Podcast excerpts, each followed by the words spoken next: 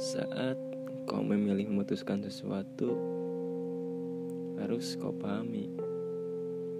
Pastikan dirimu tidak akan menyesal dengan apa yang telah kau pilih.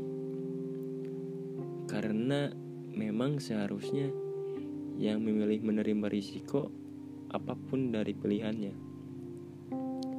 Saat kau pergi, sesungguhnya kau tidak berhak lagi mencampuri apa saja yang telah kau tinggalkan.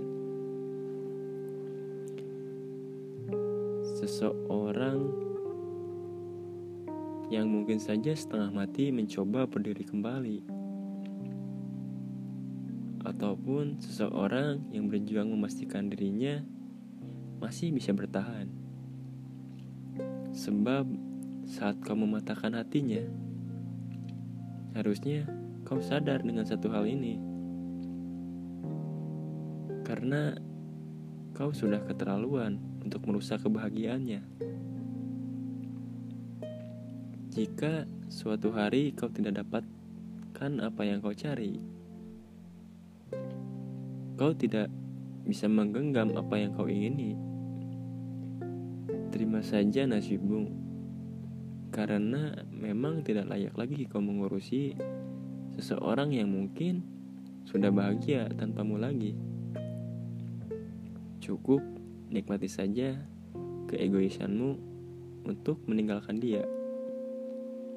Jangan pulang untuk kembali dan merusak apa yang baru saja ditatanya dengan sisa tenaga.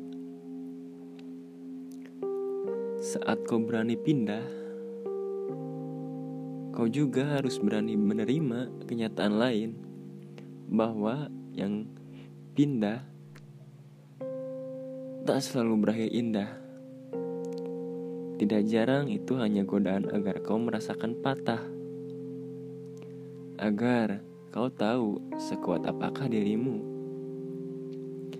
Saat kenyataan malah berbanding balik dengan inginmu, belajarlah menerima kekalahan. Tidak semua hal yang kau impikan. Bisa saja kau dapatkan. Apalagi yang kau kejar dengan mengorbankan perasaan seseorang. Perasaan yang dulu begitu mencintaimu sepenuh hatinya. Namun kau tergoda rayuan belaka. Jangan menyesal. Hanya karena pada akhirnya kau menyadari Orang yang kau sakiti Adalah seseorang yang benar-benar mencintaimu dengan tulus Ingat saja Kau telah memilih untuk membuangnya demi bahagia yang hanya sebatas penglihatan mata.